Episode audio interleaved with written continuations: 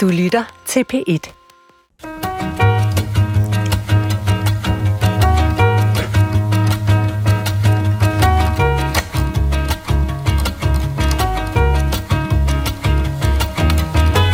Hvordan tænker du over dit sprog? Kronisk invaliderende døgnet rundt hvert et vågens sekund. Altid. Jeg tvivler på, at der findes radioværter, som er mere optaget af deres eget sprog end vært på Klog på Sprog, Adrian L. Hughes. Men hvor meget betyder det, hvordan vi taler i radioen? Radioværters sprog er det, vi bliver kloge på i dag. Og du behøver hverken skrue på din radio eller på dit høreapparat. Den er god nok. Du er stillet ind på Klog på Sprog, men AKV, jeg er ikke Adrian Hughes. Han er taget på en velfortjent ferie, så vi har valgt at vende mikrofonerne mod os selv og undersøge det sprog, som kommer ud af munden på radioværter. Og jeg kan hilse at sige, at I, kære lyttere, har mange holdninger til netop det. Og vi skal nok komme ind på i hvert fald nogle af dem. Vi har inviteret tre eksperter i studiet. Den første gæst opfatter jeg som stemmen fra oven, men det har jeg lovet ikke at kalde ham. Øh, måske får jeg en anden opfattelse i løbet af de næste 57 minutter. Øh, han har været vært på Radioavisen siden 2007, først på P4, og så på P1, og i 2020 vandt han DR's sprogpris for sin nyhedsformidling. Velkommen til dig, Niels Christian Lang. Tak skal du have. Niels Christian Lang, hvad tid står du op om morgenen for at lave nyheder kl. 06.00? Der står jeg op klokken to minutter over halv fire. Hold det op. Kan det så overhovedet betale sig at gå i seng? Øhm, altså hvis du spørger, vi, vi siger jo, at vi møder, vi, vi har morgenarbejde, men øhm, hvis du spørger sådan en søvnforsker og arbejdsmarkeds, eller hvad hedder sådan noget, øh, ja, hvor sundt er det at, at lave det, vi laver, og så siger de, hvem, hvor mange af jer har, har natarbejde? Så, så er ingen af os, der siger noget. Så siger hvor mange af jer har morgenarbejde? Så rækker man hånden ved, og så siger hvornår møder du? Klokken halv fire, siger hun, natarbejde. Natarbejde. Natarbejde. Ja. Og jeg møder faktisk halv fem stadigvæk natarbejde. Min anden gæst har også lavet radionyheder, men hun er måske mere kendt for at være virkelig skarp og virkelig sjov. Hun brød igennem som vært på det lille mememageri på Radio 24 mens hun stadig gik på Journalisthøjskolen. Nu arbejder hun freelance, blandt andet som radiovært her på P1, og som journalist for New York Times.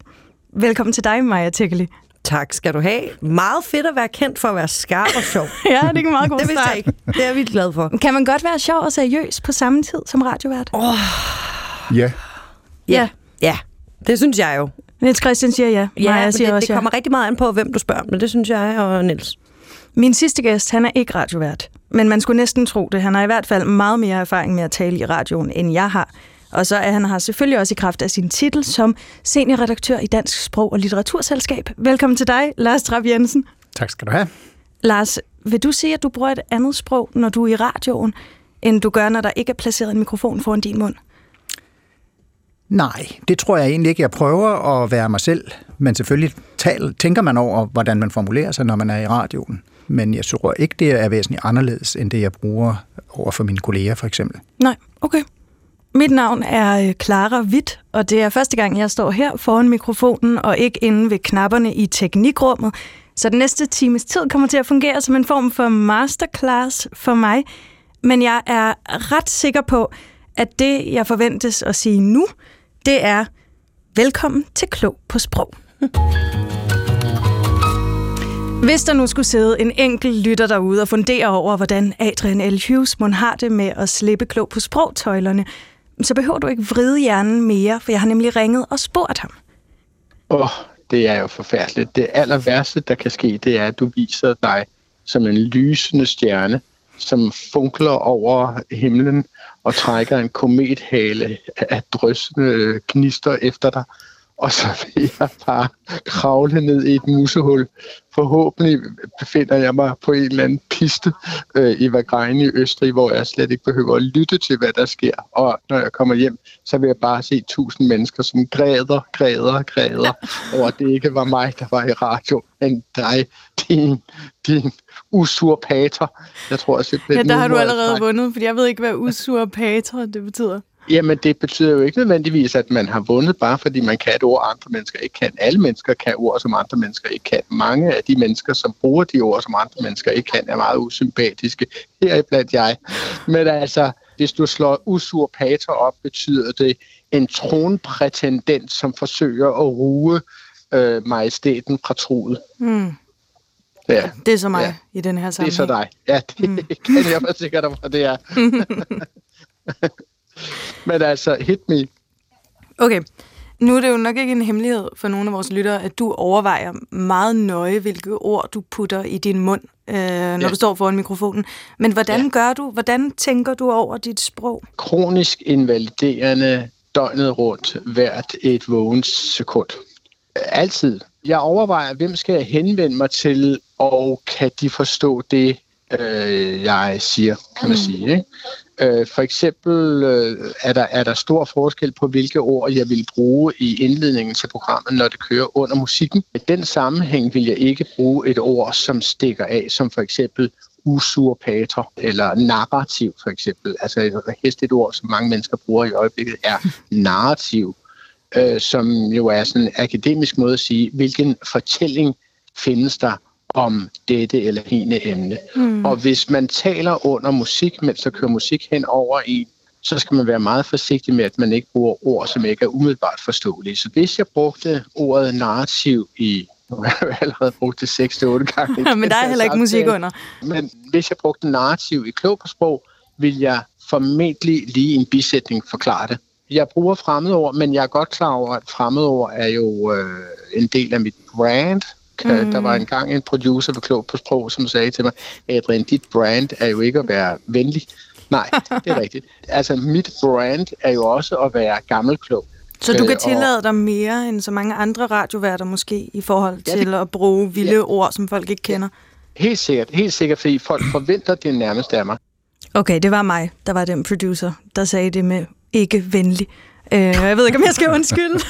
I starten blev han lidt fornærmet, men nu synes jeg, han har taget det til sig nærmest som sådan en æres medalje. Øh, hvad med dig, Maja Tekeli? Har du et sprogligt brand? Jamen, altså, det er jo nærmest noget, man kan få noget ud af at spørge andre om. Øh, Det er ikke, fordi jeg sådan bevidst har arbejdet mig hen imod et sprogligt, sprogligt brand. Sprogligt brand. Øhm, overhovedet. Altså, jeg har fra starten af mit arbejde med radio egentlig brugt meget mit eget sprog. Øh, hvorfor at man måske også kan høre, at mit sprog har ændret sig, fordi fra jeg var, hvor gammel var jeg måske, 23 til nu, er der sket lidt. Prøv at forestille dig, hvis der lige går 20 år mere, så taler jeg måske heller ikke på den her måde. Men, men jeg vil sige, at der er nogle ting, som jeg er blevet gjort opmærksom på i den periode, som har ændret mit sproglige brand en smule måske. Hvad er du blevet gjort opmærksom på? Jamen, da jeg lavede øhm, det første radioprogram, jeg lavede på Radio 24 var det sådan et satireprogram med en masse unge mennesker, og det var lidt vildt, og det handlede om at lave sjov og så videre. Øhm, og øh, på trods af det, så gjorde min far mig meget opmærksom på, at han synes jeg bandede meget. Og det havde han sikkert ret i. Øh, men det var noget, der ligesom bare lå i mit sprog, sådan sociolekt måske nærmest, at øh, jeg sagde, Men skruede du ned for det så, når din far skrev eller ringede? Det synes han jo ikke, altså fordi Nej. Han sagde det kontinuerligt igennem hele, altså alle sæsonerne, at øh, jeg banner for meget, men jeg synes selv, jeg skruede ned, og nu håber jeg at nærmest, det er annulleret. Jeg vil ikke love noget. Hvis jeg virkelig mener noget, eller glemmer, hvor jeg er henne, så kan jeg godt komme til at sige fucking. Vi sætter ikke streger her. Okay. Kunne du nogensinde finde på at bande i radioavisen, Niels Christian Lang? Jeg har nok gjort det, men så har det været tilsigtet.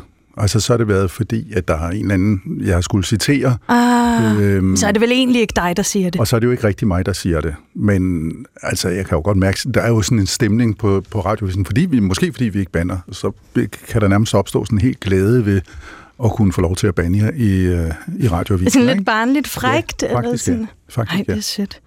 Jeg bliver lige nødt til at spørge jer, var jeg den eneste, der ikke kendte det der ord usurpator? Har aldrig hørt om det. Aldrig Yes! Jeg kendte det godt. Ja, ja, Ja, ja, ja, selvfølgelig kendte du det, Lars.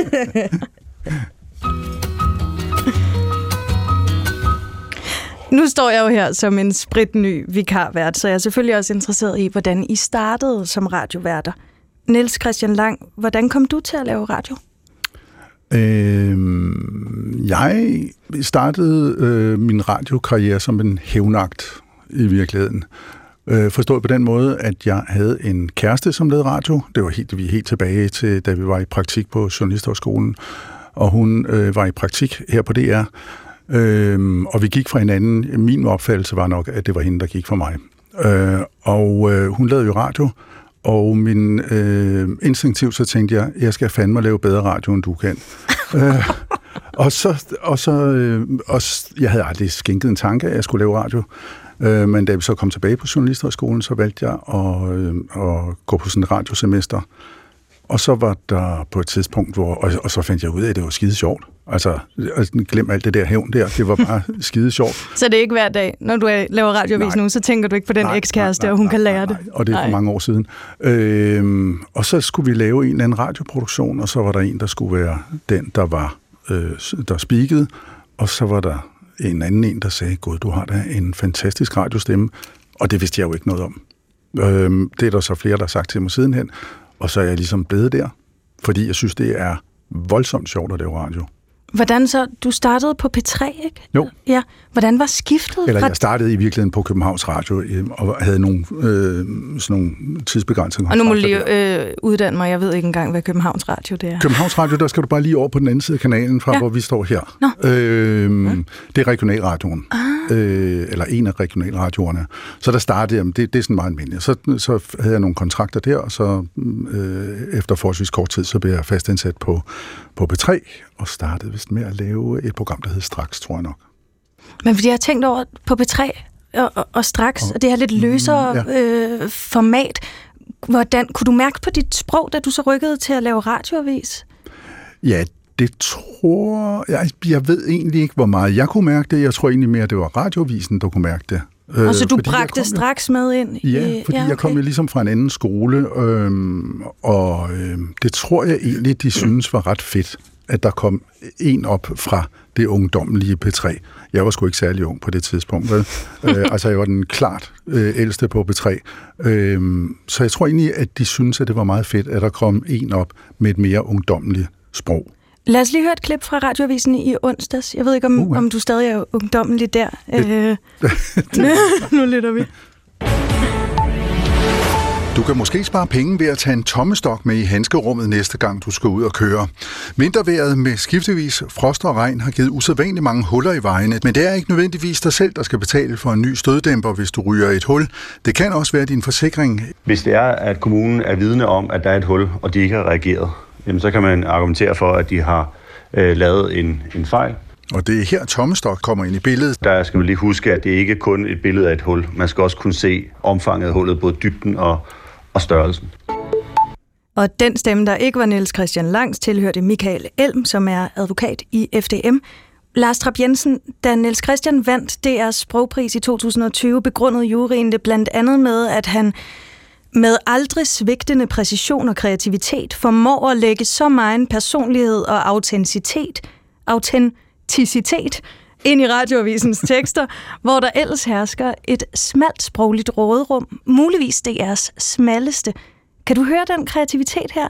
Ja, det kan jeg da helt sikkert. Det var ja. noget af det første, jeg lagde mærke til, da, I spillede, da du spillede indslaget her. At den måde at nærme sig til den nyhed er jo højst personligt. Der er en anden vinkel på det med tommestokken og sådan. Det er jo ikke den nøgterne, savlige fremstilling, som man måske forbinder med den, i hvert fald den traditionelle radioavis.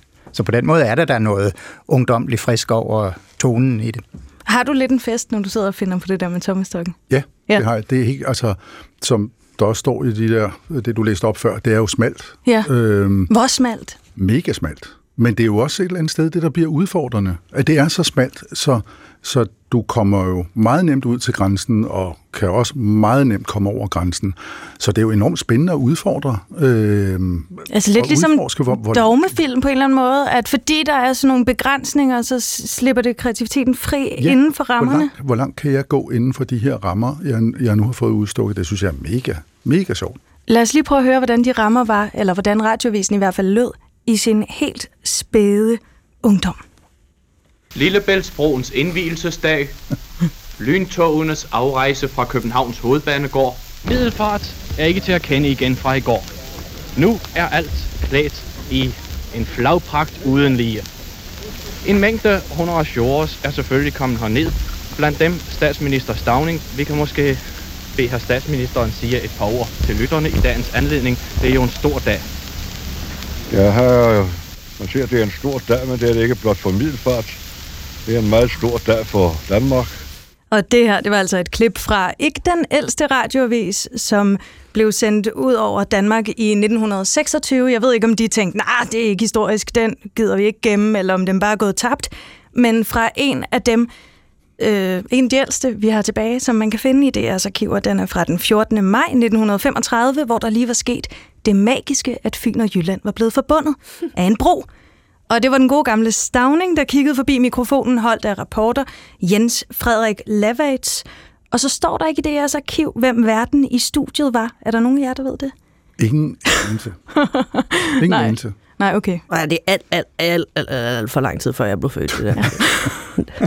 Du kan ikke engang spørge din far for mig. Nej, det tror jeg sikkert ikke, jeg kan. Når du laver radiovis, Niels Christian Lang, hvor langt fra det her er du på en skala, vil du sige? Øh, ej, jeg håber da, jeg er ret langt. Øh, Hvorfor håber? Jo, fordi jeg synes jo, tingene skal jo gerne udvikle sig. Sproget har jo udviklet sig. Øhm, og mm. vi skal følge med. Vi skal måske ikke være dem, der er allerlængst fremme i skoene, men vi skal jo følge med. Hvad så med, altså kan Mette Frederiksen finde på at svinge forbi studiet? Ej, hun, Nej. Ja, alene det, det, det er egentlig meget sjovt, du siger det. Altså det der med at bruge en vending som at svinge forbi, øh, det tror jeg aldrig, vi vil gøre, faktisk. Nej. Øhm, men, og, og Mette Frederiksen kunne heller ikke finde på bare at svinge forbi. Nej. Nu ved jeg godt, at du ikke levede i 30'erne, Lars Trapp Jensen. Men talte man virkelig sådan dengang? Eller var det en sproglig radiomaske, man tog på? Øh, lidt af hvert. Sproget var selvfølgelig et andet, også talesproget, men der var også helt sikkert en, øh, en, en, en bevidsthed om, at man var på, og at man havde en øh, radiostemme, som var en del anderledes end den, man brugte uden for studiet. Tror du, der var længere mellem radiostemmen og hverdagsstemmen Ja, dengang? ja, det tror jeg, der var. Okay. Altså, det er jo et ideal i dag, at det skal nærme sig øh, noget hverdagssprog. Det havde man ikke dengang. Autenticitet. Lige præcis. Vi kommer til at tale mere om udtale senere, men nu vender jeg mig mod dig, Maja Tækkeli. Hvordan begyndte du som radiovært? Øh, jeg tror, altså der var, det var ikke en hævnagt, øhm, og jeg tror, det måske var lidt mere held, end det var forstand. Altså, jeg har altid brugt min stemme, også før jeg startede på Journalisthøjskolen. Jeg har en mørk fortid i telemarketing, øh, mange års telemarketing, og da jeg så kom øh, videre fra det heldigvis og startede på Journalisthøjskolen, så var jeg en del af det, der hedder Radio Genlyd på Journalisthøjskolen, hvor man ligesom er, øh, laver sine egne sjove radioprogrammer, er det jo som regel, ikke? Og jeg har altid hørt øh, meget radio. Og sådan er omveje, mens jeg gik der, øh, blev jeg kontaktet af Radio 24 fordi jeg lavede memes på internettet, og det ville de gerne lave et program om. Og så øh, tog det ene det andet, og fra at jeg skulle være paneldeltager til, at jeg øh, skulle være vært, kom der i hvert fald sådan en overvejelse fra nogen, jeg talte med om, at jeg jo faktisk havde en ret god stemme til det. Mm. Og det er jo sikkert, fordi jeg har siddet og lyttet til mine egne salgssamtaler som øh, fundraiser, øh, som man kaldte det, for ligesom at høre, hvornår er det lige, den glipper for mig, hvornår er det, salget ikke går igennem. Så lærer man ligesom at kontrollere sin stemme, når man hører den så meget, fordi det er meget pinligt at høre sig selv tale. Hvornår var, hvornår var det, den glippede? Det er jo forskelligt. Det kommer an på, hvem det er, du taler med. Jeg tænker ja. ikke, det er et salgskursus, det her. øh, men øh, noget, jeg lærte der, som jeg har taget med mig øh, videre, ikke fordi at øh, radio er en øh, salgsopgave, men en lille smule, man skal jo folk Ja, der er jo mange, der er jo mange kanaler, der er mange programmer derude, så vi. Ja. slås vel lidt om lytternes opmærksomhed, om ikke andet. Ja, men altså noget, noget som man også var meget sådan spændende menneskeligt at lære, det var det begreb, der hed omvendt matching, som vi benyttede os af det første sted, jeg arbejdede som var, når du taler med nogen, jeg tror nærmest det blev, er blevet nævnt øh, i en eller anden kontekst, så tilpasser man automatisk sit sprog til dem, man taler med som regel. Man kan også gøre det bevidst. Øh, og det gør man jo, når man simpelthen ringer til folk midt i, frikadellerne og skal sælge øh, et eller andet irriterende, som for eksempel et medlemskab til UNICEF, så man kan hjælpe nogle børn, eller hvad det er, det overgår man ikke lige snakke om om aftenen. Øhm, og øh, udover så at matche dem, man taler med selv, så kunne man lave en lille test af, hvor godt samtalen gik, ved at øh, smide en fiskekrog ud og se, om de matchede dig tilbage. Og nu, hvor vi har snakket om, at jeg har haft en periode i mit liv, hvor jeg godt kunne lide at bande, øh, det er ikke helt overstået, men, men øh, så, så kunne man for eksempel sige, øh, det er sgu da et meget godt tilbud. Og så kunne jeg svare, ja, det er sgu. Og så, Og så- vidste du, Hov. nu har du mig. Nu er du over ved mig. Ja, nu, nu okay. taler vi faktisk det samme sprog. Øh, og det er jo ikke, fordi jeg sidder og er sådan ekstremt manipulerende, når jeg laver radio og sidder og undersøger det og sådan noget. Men det er egentlig bare sådan meget fedt lige at tjekke, hvor man er henne på bølgelængden. Øh, især hvis man er en situation, der kræver, at man er på bølgelængde. Lad os springe videre fra frikadellerne til i fredags, hvor du overtog 4. division som gæste hovedvært. Du plejer at være med som medvært. Øh, I fredags, der lød det sådan her. Nej. Ja, og du lytter altså til 4. division. Lige nu i studiet er jeg, Maja Tækkeli, Ane Kortsen og Gitte Lykkegaard. Og vi er helt nede i tempo. Det, vi slapper hele dag op på sådan en helt øh, opstemt debat om kongehuset.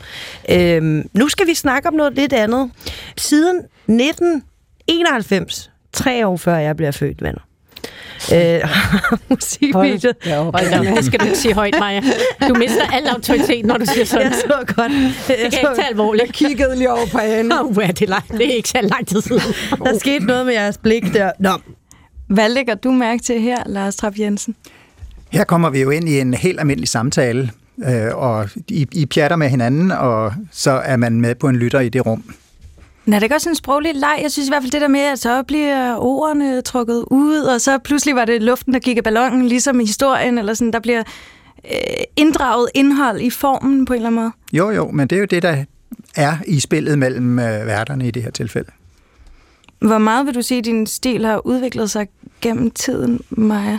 øh, så meget, at jeg muligvis vil øh, synes, at det var lidt ubehageligt at lytte til det første, jeg har lavet. På den måde, at jeg ville synes, det var lidt pinligt.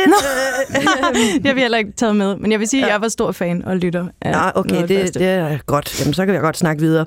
Øhm, øh, den, øh, den er jo kontekstbestemt, vil jeg sige. Mm. Øh, som du siger, så er det jo meningen, det skal være et hyggeligt program, hvor vi kan snakke med hinanden, og man kommer med rundt om kaffebordet, eller hvad det er. Øh, man sidder og sludrer om kultur øh, med. Men øh, det, den har udviklet sig øh, på den måde, at jeg har fået flere opgaver, end at stå og lave sjov i et studie. Det kan du så høre, det tager jeg med her, men jeg har jo lavet, lavet morgenradio og lavet en masse kritiske interviews, hvor jeg ikke kan måske sidde og drille med mit sprog på samme måde, som jeg gjorde der. Men der synes jeg alligevel, det klip har vi ikke, for det var også tv, men du lavede et interview med Rasmus Paludan, ja. Hvor øh, det, det er jo sådan kritisk, men der driller du også på en eller anden måde, fordi du øh, kommer til at virke uinteresseret med vilje, og man kan mærke, at det får ham helt op i det røde felt. Altså, jeg synes, der er sådan en mm, humor og vid, og også når du er seriøs. Er det rigtigt? Øh, det kan da godt være. Øh, I lige det interview, der var det ret bevidst, Ja. øh, en bevidst handling, efter at, altså nu nu er det jo et, et videoklip, der ligger Ja. på sociale medier, og, og, og er klippet væsentligt til. Vi har faktisk talt sammen i et kvarters tid allerede, hvor jeg har været alle runderne igennem.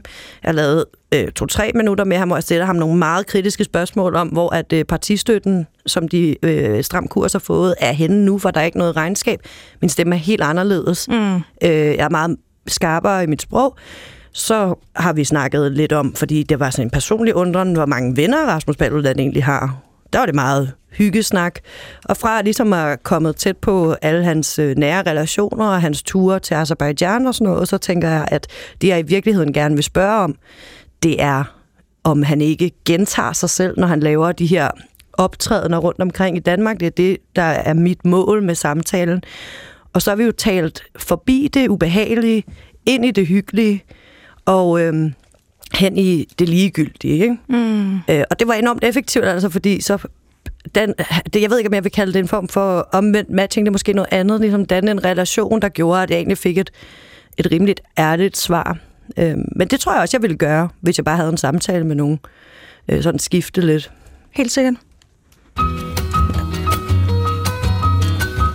Jeg vil gerne tale med jer om nogle af de egenskaber, som en radiovært skal besidde. Nu har vi allerede været lidt inde på det. Øhm, Jeg tænker, vi kunne starte med den autoritet der.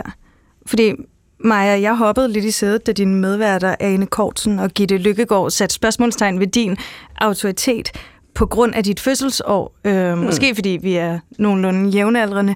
Og jeg ved godt, det er for sjov, men jeg har altså været ægte nervøs for, hvordan jeg skulle tilegne mig den der radiovært-autoritet. Hvordan gør du? Og altså, jeg er jo velsignet med en, en lidt dyb stemme, som kan hjælpe lidt på det, har jeg læst mig frem til. Altså, det, øh, det er vel sådan, at hvis man øh, spørger en masse mennesker, så vil de sige, at de som regel synes, at øh, dybe øh, mandestemmer, som din, Niels Christian, er dem, man egentlig tror mest på og lytter mest til. Så på den måde har jeg været lidt heldig. Og så har jeg så røget en masse cigaretter, så jeg kunne holde fast i den. øh, Udover det, så tror jeg, at det handler meget om øh, altså den forbindelse, du har til dem, du står i rummet med. Øh, hvis du nu, inden vi gik i gang, havde kigget ned i tastaturet og stået og rystet din kaffe og ikke haft overskud til at tale med os, så havde vi måske også forholdt os lidt anderledes til dig som vært. Ja, fordi man kan vel også blive lidt nervøs. Nu spørger jeg dig, Lars Tre Jensen, hvis man har en vært, der virker nervøs, øh, som ikke har autoritet, og man så er gæst, kan det ikke være lidt ubehageligt? Jo, det er helt klart. Altså, en, en, en, en, en vært har jo til opgave også at skabe en stemning i, i studiet og sørge for, at relationerne er i orden. Øh, nogle gange kan gæsterne jo så overtage det, hvis, men, øh, men ideelt set, så er det jo verdens opgave at sørge for det. Er du mere nervøs i dag, end du plejer at være? Nej, jeg synes, du gør det strålende. Jeg, Yes! føler, jeg føler mig tryg. Er også allerede faktisk op på, Du må ikke sige det til Adrian. på, på højde med Adrian, vil jeg sige. Ja. Så det kan godt være, at det bliver endnu bedre i, i løbet af udsendelsen, så han aldrig kommer tilbage. Nej, det må jeg ikke sige. han er ikke gået på pension, han er ikke abdiceret, han er bare på ski. Lars, ved du det der med øh, køn og mandestemmer, er det rigtigt, at man opfatter siger man. mandestemmer som mere autoritet? Det siger man ja, og nu når du lægger, skal lægge vægt ved dine ord, så sætter du også din tale hastighed lidt ned. Det er også noget, der kan give lidt, lidt pondus og autoritet i studiet. Gør du noget aktivt, Niels Christian Lang, for at øh, skabe autoritet, når du er i radioavisen, eller giver formatet dig det på en eller anden måde? Jeg tror ikke, jeg gør noget. Nej. Jeg tror måske, som du siger, formatet gør nok, at øh, folk tror, at jeg ved noget øh, om det, jeg snakker om. Øh, så alene der øh, er jeg jo foran på rigtig mange point. Men derudover, så tror jeg egentlig mest, at man, jeg tror egentlig, jeg tror ikke, du kan fake den, for, for at være helt ærlig. Jeg tror ikke, du kan fake autoritet. Og jeg tror også, det der, som du snakker med, om, om gæsterne så bliver nervøse, så bliver gæsterne nervøse, så bliver lytterne sgu også nervøse. Ja. Altså, så sidder man derude og tænker, åh nej, bare, bare det ikke går galt, det her. Ikke? Så hører man ikke efter længere. Altså, jeg tror egentlig, man står så bedst ved bare at være sig selv. Og så hjælper det vel også at have en gudsbenået stemme. Det gør det sikkert. Altså, det, det, det skal jeg ikke afvise, at det hjælper mig i hvert fald.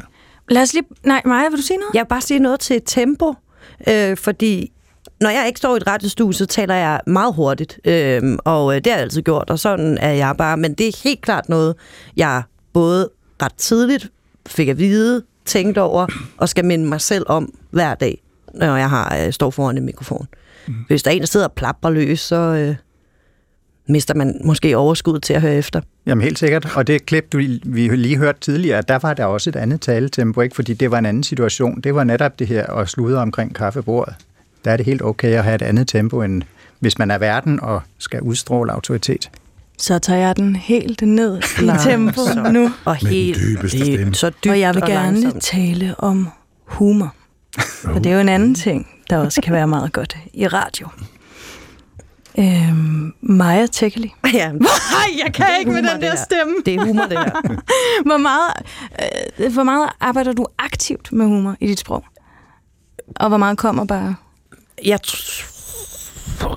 det er så svært at svare på, fordi når man, øh, som Niels Christian siger, egentlig bare er sig selv, så er det jo noget, der egentlig kommer øh, af sig selv.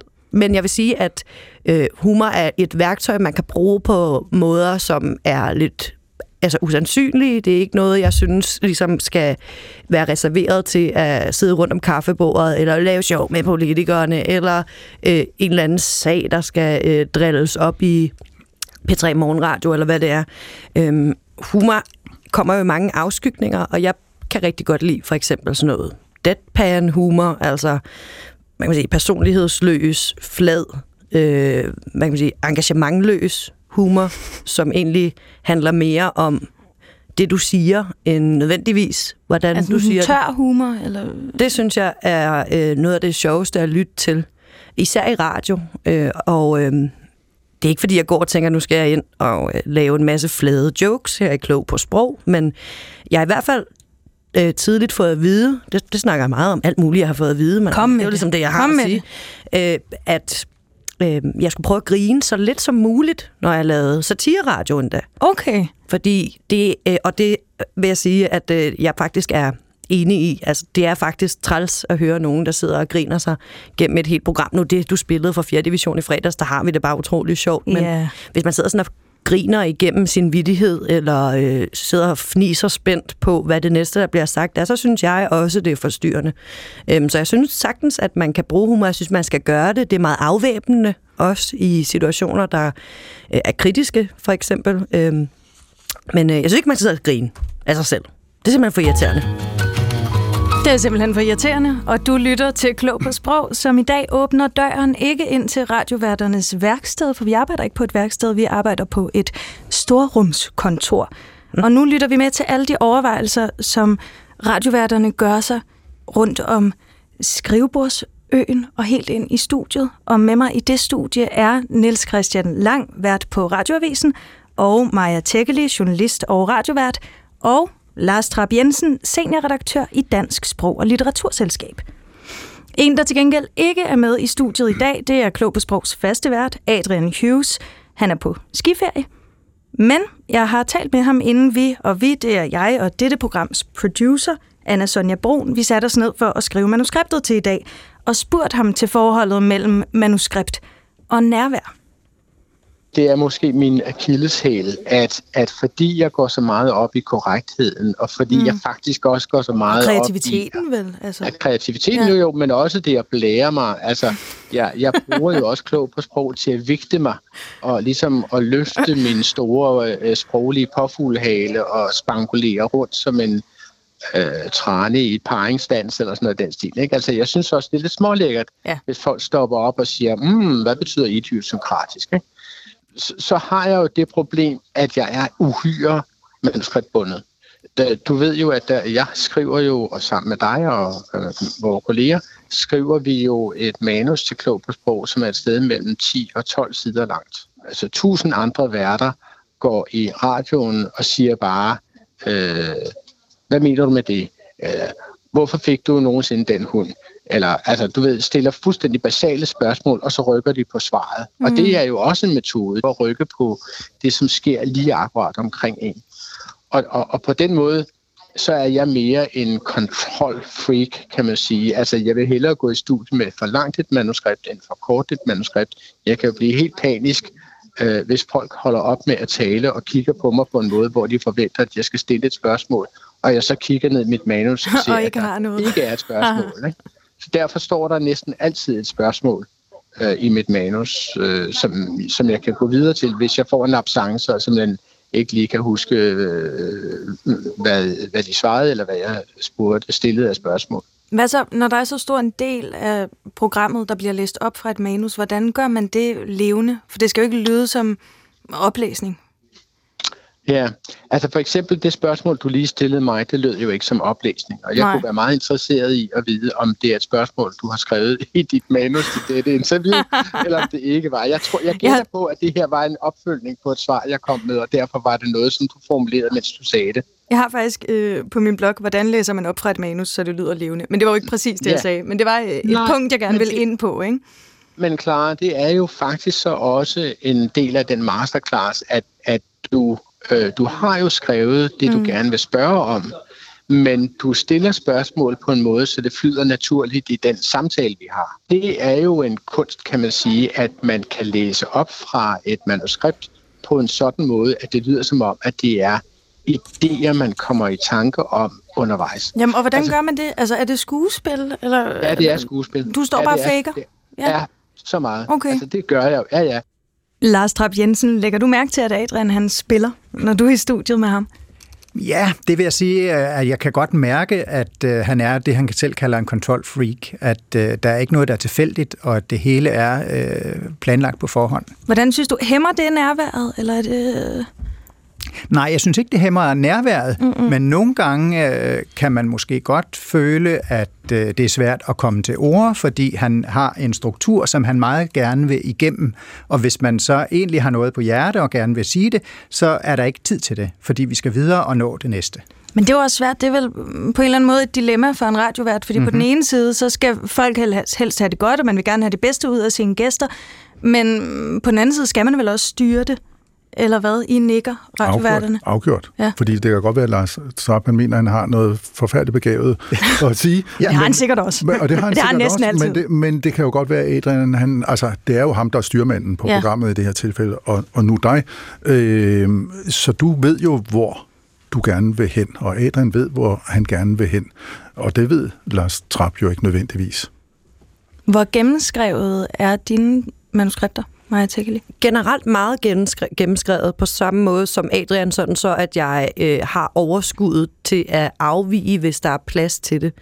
Øhm, især, og, og, og det har jeg været sådan i noget debat om med andre journalister, men især når det drejer sig om at lave øh, det, man kalder kritiske interviews. Det skal de fleste interviews vel være, men øhm, dem, hvor at, øh, der er nogen, der har gjort noget, de ikke må, og hvor øh, øh, er pengene henne og, og sådan noget. Øhm, der, der har jeg altid lavet meget udførlige manus, Øh, Både på den måde, at øh, der er mange forskellige spørgsmål, men der er også mange forskellige retninger, som jeg kan forestille mig, interviewet kan gå i, og dertil rigtig mange spørgsmål. Mm. Og det er faktisk fordi, vil jeg mene, at så har man et bedre overskud til at være naturlig, hvis man altid kan vende tilbage, tror jeg også Adrian siger. Og det kan jeg huske, da jeg var sådan en øh, øh, journalist, øh, grøn, grøn journaliststuderende. Der øh, så jeg øh, en gang imellem deadline-interviews, og bemærkede sådan en tendens hos især Martin Krasnik, da han var deadline-vært, som var, at han, han sad altid med et manus til det kritiske interview, han skulle lave, men så skete der noget en gang imellem, som fik ham som person til at undre sig, og så skubbede han det væk helt fysisk, og så ændrede interviewet sig og blev helt vildt godt, øhm, fordi han havde plads til at lytte. Og det er blandt andet der, den der overforberedelse kommer fra for mit vedkommende. Så man kunne tro, altså jeg kunne tænke umiddelbart, at det på en eller anden måde kunne binde en, at man har noget meget nedskrevet. Men hvis man har skrevet det grundigt igennem og har fået inkorporeret det i sit hoved, så skaber det på en måde en større frihed. Det synes jeg. Synes du ikke også? Niels Jo, afgjort. afgjort. Og hvad med radioavisen? Den er vel Den er skrevet lidt- ned til mindste det detalje, er jo ikke? lidt tricky. Vi går jo som regel i studiet uden noget manuskript overhovedet. Nej, det gør vi ikke. Øh, Alt er jo skrevet ned. Er det det, Alt man jo kalder deadpan? ned. Ja, ja, ja. Alt er jo skrevet ned. Og Hvor meget af det skriver du egentlig selv? Øhm, Jeg skriver det hele igennem, Okay. men jeg, det er ikke mig, der sidder og skriver alt. Men altså, jeg- jeg får ligesom et oplæg, kan du sige, og nogle gange så passer det jo til, det er jo også et spørgsmål om, hvad der passer til ens eget sprog. Og nogle af dem, som jeg arbejder sammen med, vi matcher bare rent sprogligt, så der kan jeg simpelthen gå i studiet med det og læse det op på papiret, uden nogensinde at have læst det før. Andre gange, så skal jeg virkelig skrive det igennem. Hvordan skriver man, øh, så det ligger godt i munden? Øhm, ja, hvordan gør man det? Altså, det er jo der, hvor jeg ikke burde være her, fordi jeg har ikke nogen sådan øh, analytisk tilgang til det, vel? men jeg, du ved, jeg læser en tekst, og så tænker jeg, det ord skal ikke stå der, det skal stå der i stedet for, det er der, den sætning skal længere ned, det her skal højere op, vi bruger det her billede i stedet for. Det er ikke noget, jeg tænker over. I Det kan være, at Lars Trapp Jensen har en mere analytisk tilgang Jeg til vil, det. jeg vil egentlig spørge dig, læser du det op? Fordi det kan jo tit hjælpe til, at, at man selv Ja, altså, altså, jeg læser det og hører, om Ja. det, der er skrevet ned, det lyder naturligt, når man Det kan du bande på. Ja. Og jeg, jeg tror måske, det er en af hemmelighederne bag, at jeg, som nogen siger, er en god vært, det er, jeg læser så sindssygt langsomt. Så øh, jeg måske tror, jeg har en eller anden grad af ordblindhed. Men det gør også, at når jeg læser noget, så læser jeg hvert et ord. Jeg er ikke den, der sådan kører ned over teksten. Jeg kan heller ikke finde ud af det der med en lineal og sådan noget. Jeg, jeg læser og siger inde i mit eget hoved hvert eneste ord.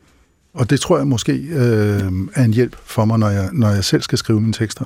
Det Så tror er jeg i en hvert fald er en ting. rigtig god idé, og det er et råd til alle, tror jeg, at man skal prøve at læse det op, hvis det skal være, og lyder det ordentligt. Og hvor stor forskel er der på øh, det, det, det mundtlige sprog og, og det skriftlige? Sådan Jamen, generelt? Der, jamen, der er der en del. Øh, det mundtlige sprog er ikke, hvad skal man sige, så syntaktisk knudret, altså sætninger, indlejrede sætninger og den slags, de er, det er, er ikke godt til at mime det talte sprog. Så der skal man øh, formulere sig lidt øh, kortere og enklere sætninger. Nu fik jeg lige nogle kommentarer ud fra Anna Sonja, produceren, og så kunne jeg ikke helt høre, hvad hun sagde, og så prøvede jeg også at lytte, hvad I sagde, og det er faktisk et spørgsmål, jeg har skrevet ned her, fordi en ting er jo, at man har et manuskript og en vej, man skal, og nogle ting, man vil snakke om, og så har man nogle gæster, og man skal høre, hvad de siger, og øh, have et eller andet nærvær kørende, men så er der jo også en stemme i øret, der taler til en. Hvordan, øh, hvordan jonglerer man med det? Jeg tror, det er meget øh, belejligt at være øh, en smule opmærksomhedsforstyrret, som jeg sådan set er. Altså, jeg øh, øh, har- hele tiden øh, opmærksomhed på alle mulige forskellige ting. Så jo flere ting, der foregår, desto mere fokuseret kan jeg faktisk blive på det ene. Jeg er også en, der hører musik øh, nogle gange, hvis jeg skal læse noget, øh, eller sætter mig et sted, hvor der er mange, der går og snakker, fordi så bruger jeg min ikke overskydende energi på at lukke folk omkring mig ude, og øh, resten på at arbejde. Så det, det tror jeg er en fordel. Jeg ved ikke, om det er bare noget, jeg siger. Det ved jeg heller ikke. Men jeg synes, vi skal gå videre til øh, et andet af radioverdens instrumenter. Øh, ikke den splittede koncentration eller den knivskarpe journalisthjerne, og heller ikke øh, charme, selvtillid og lækkert hår. Jeg synes, vi skal snakke en lille smule mere om stemmen. Og øh, Niels Christian Lang, nu har vi allerede etableret, at du har en fantastisk radiostemme, og det har du selv fået at vide ret tidligt. Har du fundet ud af, hvad, den, hvad det er? Altså, nu vil jeg sige, jeg har ikke fået det at vide ret tidligt, fordi jeg blev ret sent journalist, men øhm, nej. Og Nej. jeg har bare, efterhånden så har jeg bare accepteret, at det er der nogen, der synes, jeg har. Og så, Men hvad kan du selv lide at høre så? Altså, altså hvad jeg selv kan lide at høre af ja, andre, hvilke, andre stemmer, stemmer. hvilke stemmer synes du lyder behagelige? Øhm, alle stemmer i virkeligheden. Og der, der er der nogle gange nogen, hvor jeg godt kan tænke, uha, det kan jeg ikke. Altså det, det bliver sådan øh, for pitchet, eller øh, ja, men det tror jeg egentlig, jeg, jeg tror sådan høje pitchede stemmer, det er måske lige det, som jeg måske vil have svært ved i længden. Og så tror jeg måske også, fordi at jeg har fået at vide, at jeg har en god stemme, så tror jeg også, at jeg lægger mærke til min egen stemme, og så bliver jeg farvet af det, og så synes jeg, at dem, der taler ligesom mig, de er skide gode. Hvad med jer andre? Har I nogle favoritstemmer? Det er jo sådan, når man er i radioen, at så er stemmen det, øh, som man, man siger, øjnene er sjælens spejl, ikke? men mm. man har kun stemmen i radioen, så man forbinder en personlighed med den stemme, man hører. Og der vil jeg sige, det er ikke, øh, alle skal ikke have den samme stemme, men det skal være sådan, at man kan se personen, eller mærke, høre personen bag, og så er der ikke én stemme, synes jeg. Jeg synes, alle har den stemme, de nu er født med, og hvis de kan lægge noget i den, øh, så vil jeg gerne høre på den. Jeg, jeg tror jeg, faktisk, jeg, jeg er enig med dig. Altså, øhm, det jeg vil sige, Niels Christian, der er med din stemme, det er, at man oplever, at du har en, øh, en stor kontrol over den. Sådan lyder det i hvert fald. Mm. Du, du, der, den, du ryster ikke af nervøsitet, og du, du bruger den meget aktivt for at understrege dine pointer, lyder det som om. Og så er den rund og brummer lidt, og øh, tempoet gør det sådan øh, varmt som honning. Og det er jo sådan noget, man vil jeg sige, på, i hvert fald altså på Journalisterskolen siger, at det er en god radiostemme. Men øh, hvis man, uanset hvilken stemme man har, også selvom den er lidt pitchet, det kan også godt genere mig en gang imellem, forsøger at etablere en kontrol over den, mm. og taler fra sit bækken, og holder fast i stemmen, så tror jeg, at de fleste stemmer vil kunne bære en øh, radioudsendelse. Varmer I op, inden I går i radioen? Det får jeg at vide, at jeg burde gøre, men jeg, gør, jeg når det ikke simpelthen. Nej. Altså, jeg ville gerne gøre det, men jeg når det ikke. Så er vi tilbage ved den der klokken 04.45, ja, eller hvor meget var det? Lige præcis, ja. ja. Men jeg synes også godt, jeg kan høre det nogle gange. Altså, den første radiovis der klokken 6, der kan jeg godt høre, at jeg ikke rigtig er klar. Ja. Jeg kan også, jeg har hørt det, når jeg har lavet noget om morgenen. De første ord, jeg siger, altså, ja. øh, kommer, ja. Ja. kravler ud af halsen på mig. Ja. Måske hjælper det, at lytterne heller ikke er helt klar. Det, ja. det ved jeg ikke. Og nu, spørgsmål fra lytterne. Der er to lyttere, der har skrevet til os på klog på sprog netop om radioværters, ikke øh, stemmerne som sådan, men deres stemmeføring. Den ene handler om ugrundig udtale, og den anden handler om for grundig udtale. Øhm, og vi starter med Mikkel Frank, som skriver fra Frankrig, og det er ikke noget, vi har fundet på. Der har han boet i snart 40 år. Han skriver, jeg har lige hørt radioavis på DR1 kl. 10, hvor i tre krigsskibe, som Danmark skal stille til rådighed for NATO, blev omtalt, eller rettere kritikken af dem, fordi de ikke opfylder kravene. Journalisten sagde om skibene, hvad de skal kunne. Som bekendt, parentes jeg er lidt i tvivl, hedder det, hvad de skal kunne. Er det for meget at forlange, at der tales dansk i dansk radio? Niels Christian Lang, vi har tjekket i arkivet, og jeg kan oplyse, at det ikke var dig, der var på pinden den Nå, jeg dag. skulle til at sige, det er sgu nok mig. Hvordan vil du sige det? Øhm, det ved jeg ikke, men jeg bemærker allerede den måde, du fremfører denne her lytters øh, anke, at øh, det bliver sådan, så taler du rigsdansk som i gamle dage, Øh, Jeg tænker, det vil lytteren sætte pris på. Ja, det ja. tænker jeg nemlig også. Og der tænker jeg, at lytteren og generelt lyttere, de skal måske lige sænke aggressionsniveauet i forhold til andre menneskers brug af det danske sprog. Jeg synes, at der er jo ikke nogen, det er jo ikke meningsforstyrrende, at den her vært har sagt ku i stedet for kunne. Jeg, jeg kan ikke forestille mig, at der er nogen, der opfatter øh, det, der bliver sagt, øh, meningsforstyrrende. Så jeg synes, man skal måske bare til at slappe lidt af. Hvad vil du svare, Mikkel Frank her, Lars Trapp Jensen? Jamen, jeg hælder mest til det samme, som øh, Niels Christian her også siger om enden. Altså, der er jo øh, en vis øh, spændvidde imellem det, om man siger, hvad de skal kunne. Øh, det vil være en overtydelig diktion, øh, efter min mening. Øh, en udlæsning, altså meget skriftnær udtale, øh, og den er ikke helt på sin plads. Men det betyder jo heller ikke, øh, at man skal reducere alt, og lige præcis kunne er måske ikke så egne, fordi det er jo det, der bærer trykket. Så der vil øh, man vil ikke sige kunne, men et sted midt imellem, hvad de skal kunne, mm. øh, vil måske være en, en mere neutral udtale. Har vi sagt kunne en gang? At, Ja, øh, ja, det har vi, og jeg er da sikker på, at hvis du spiller nogle af de radioaviser fra 30'erne, at så vil, man få, så vil man få det hele med. Og fordi det er jo også idealet, der har ændret sig, at det var en skriftnær udtale, man øh, foretrak. Øh, det, der er jo en grund til, at man snakker om forelæsninger og foredrag, ikke? At, man læser, men det er, øh, at man læser op, og konventionen er en anden i dag, end det var dengang. Så har vi... Øh, må jeg tilføje noget? Ja. Altså, fordi jeg vil også bare sige, at der, øh, man skaber også nogle begrænsninger, for, begrænsninger på udbuddet af radioværter, hvis der er en bestemt måde, man som radiovært må udtale ting, øh, øh, ord, øh, ting ord. Øh, altså, der er jo for eksempel været meget snak om sådan en som Isa Mahmoud, der er på Deadline. Han snakker øh, på en mærkelig måde. Det blev skrevet en hel artikel om i Fagbladet Journalisten, og der er altså mennesker i Danmark, der taler på forskellige måder, men som, selvom at de udtaler kunne på en anden måde, end man ville, øh, kan stille nogle af de bedste spørgsmål, som man ville kunne gå glip af, hvis det alt handlede om udtale. så det bliver faktisk et demokratisk spørgsmål. Hvor, kan hvor sagtens- rigsdansk vi vil have Det, det, kan vi faktisk sagtens gøre det til. Altså, det bliver et, sådan, øh, et spørgsmål om øh, diversitet øh, på mange forskellige måder, men også altså, et spørgsmål om, hvorvidt at det er professionalisme, øh, eller professionelt at kunne sige kunne, eller at sige ku, eller kunne. Altså, det synes jeg godt, man kan tage en længere debat om i P1-debat en eller anden dag. Ja, det kan også være, at vi skal tilbage i Klog på Sprog en anden dag om, øh, om det mere nærgående. Det er jo om kompleks ting, ikke? fordi det hænger jo også sammen med det, vi snakkede om før med talehastigheden, at når vi taler øh, med en høj hastighed, så bliver vi jo tvunget til at, at lave det, man kalder fonetisk reduktion, altså at man udlader med vilje nogle lyde. Mm. Og derfor så er det ikke ligegyldigt, om man siger, hvad de skal kunne, og taler langsomt, eller man siger, hvad de skal kunne, øh, og taler i højere tempo. Så sker det Men- automatisk. og Ikke? det var det så hænger has- også sammen med det. En ting er hastighed, men der er også noget med tryk. Ja. Og det har den næste lytter nemlig skrevet om. Det er Preben Heide fra Assens. Jeg gætter på, at det er den Preben Heide, der blandt meget andet i sin journalistiske karriere selv har været tv-vært på en konkurrerende kanal. Han skriver i hvert fald som en professionel, vil jeg sige. Og han skriver, nogle værter taler meget jævnt og uden mange stød. Andre vælger at give deres fremlæggelse særlig eftertryk ved at bruge mange trykstærke indledningskonsonanter. Formålet med at lægge tryk på indgangen til et ord er formentlig at trække lytterens opmærksomhed til sig og understrege, at det, der siges nu, er særlig vigtigt. Nogle værter giver en glidende diktion, som gør det ganske let at følge, hvad der siges.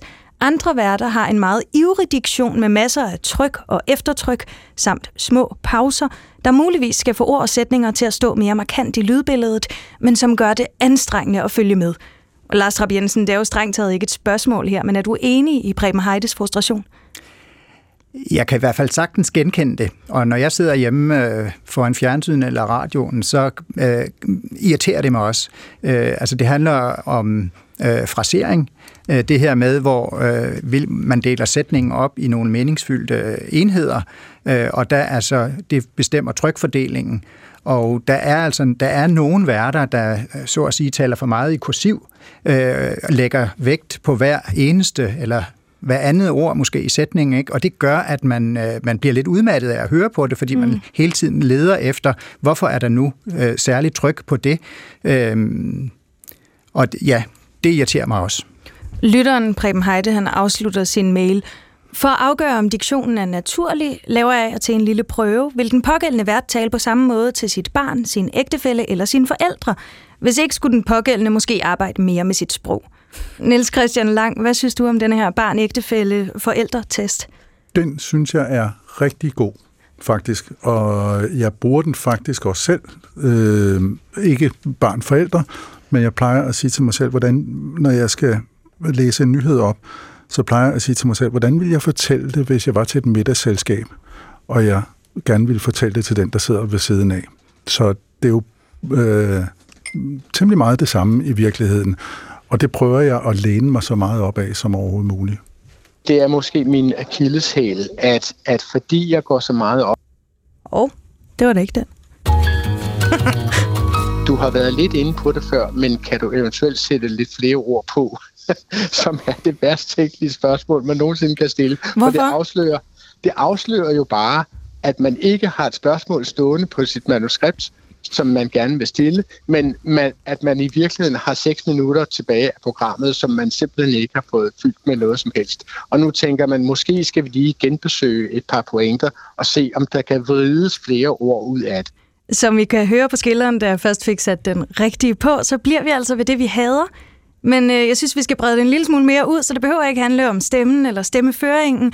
Jeg kunne godt tænke mig at høre øh, hvad som helst af ting, I ikke kan lide. Lars, vil du ikke lægge ud? Er der noget, som en radiovært kan gøre eller sige, der kan få dig helt op i det røde felt?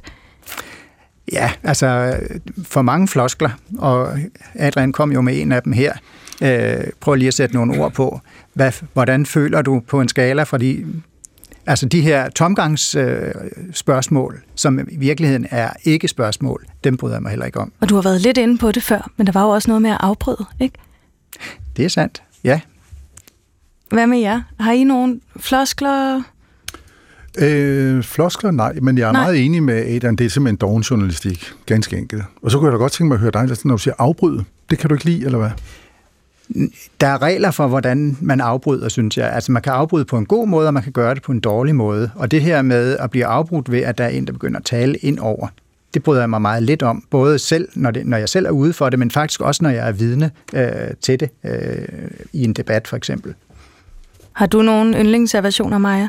Ja, øh, det har jeg. Den ene har jeg lige gjort mig skyldig i, og det er noget så simpelt som ø, altså overdreven brug af ø som en tryghedslyd mellem hvert ord.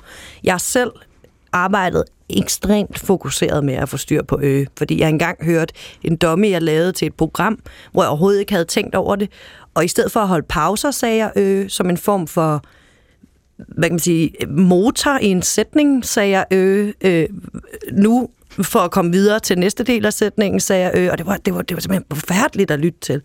Øh, hvorfor jeg også skriver mange af de ting, jeg skal sige som radiovært ned, eller taler meget langsomt. Så det er den ene. Og den anden kommer lidt i tråd med det, vi lige har talt om. Det er tv-avis speaker øh, intonationen. Hvordan lød den? Jamen, da jeg gik på Journalisterhøjskolen, skulle vi lave tv-indslag. For sjov indtalte jeg det sådan her fortalte om en oplevelse, som jeg havde været ude og filme, og derfor, øh, fordi det skulle være til TV-avisen, ændrede jeg min stemmeføring sådan, nogenlunde lød sådan her. Det var en parodi. Jeg fik at vide, at det var fantastisk spil. Nej. Og, og jeg tænkte... Ah, at de forstod ikke, det var en parodi? Nej, men det, jeg havde jo ikke, jeg havde jo ikke givet udtryk for. Nej, nej. Jeg havde egentlig bare gjort, hvad jeg ellers havde hørt. Øhm, og der vil jeg sige, Øh, jeg har lidt et had-kærlighedsforhold til det, fordi jeg synes, det er rigtig sjovt at, at lytte til, netop på baggrund af den overopmærksomhed, jeg har på det. Men jeg synes også, det er for mærkeligt. Så vil jeg ikke tale til min mor, Nej. eller min far, Nej. eller min bror. Og det er jo sjovt, for det var jo lige præcis det, Preben Heide her øh, anholdt at øh, det er jo det her med, at man lægger hele tiden vægt på ordene, ikke? med den her meget dramatiserende øh, mm. måde at, at, at tale på, at vi bliver taget med helt ind helt måske uh, ud i felten, ikke? Og jeg står lige her, mm. og lige ved siden af mig, der er sådan og sådan, ikke? Og hvert et ord er vigtigt. Mm. Ja, så er det sådan en eller anden form for melodi, der allerede findes. Kender du den ikke også godt? Jo, jo, jo, jo, jo. og vi får masser af nye folk også på radiovisen. Øh, som jeg så snakker med øh, på redaktionen, og det går alt sammen meget godt, lige indtil de så øh, skal ind og speake et indslag, Ja. og så lyder det ligesom du. Men de tror, Øh, de skal. De har hørt det, ja. så efterligner de Ja. det. Det er klart, når man får det at vide på Journalisthøjskolen. Jeg tager Nu er vi, øh, en kop kaffe. Nu har vi ikke så lang tid tilbage, og inden vi slutter, øh, så vil jeg gerne høre jer, fordi næste fredag, der kaster Adrian sig stadig rundt på løjperne, eller pisterne, som han har fortalt mig, at de hedder, når de er syd for Alperne. Så jeg låner værtsmikrofonen endnu en gang, og hvis I nu skulle give mig, eller nogle andre aspirerende vært, øh, radioværter, hvis I skulle give øh, mig og os lytterne et godt råd med på vejen, hvad skulle det så være? Ja, det er jo svært, når det, bare, når, når det er begrænset til et råd, øh, eller til én ting. Men jeg vil sige, vær dig selv. Altså, jeg tror simpelthen ikke, at der er nogen, der kan stå herinde øh, time efter time øh, og være vært og fake den på, på nogen måde, uden at lytterne øh, opdager det. Det tror jeg simpelthen ikke. Og det bliver man rigtig træt af.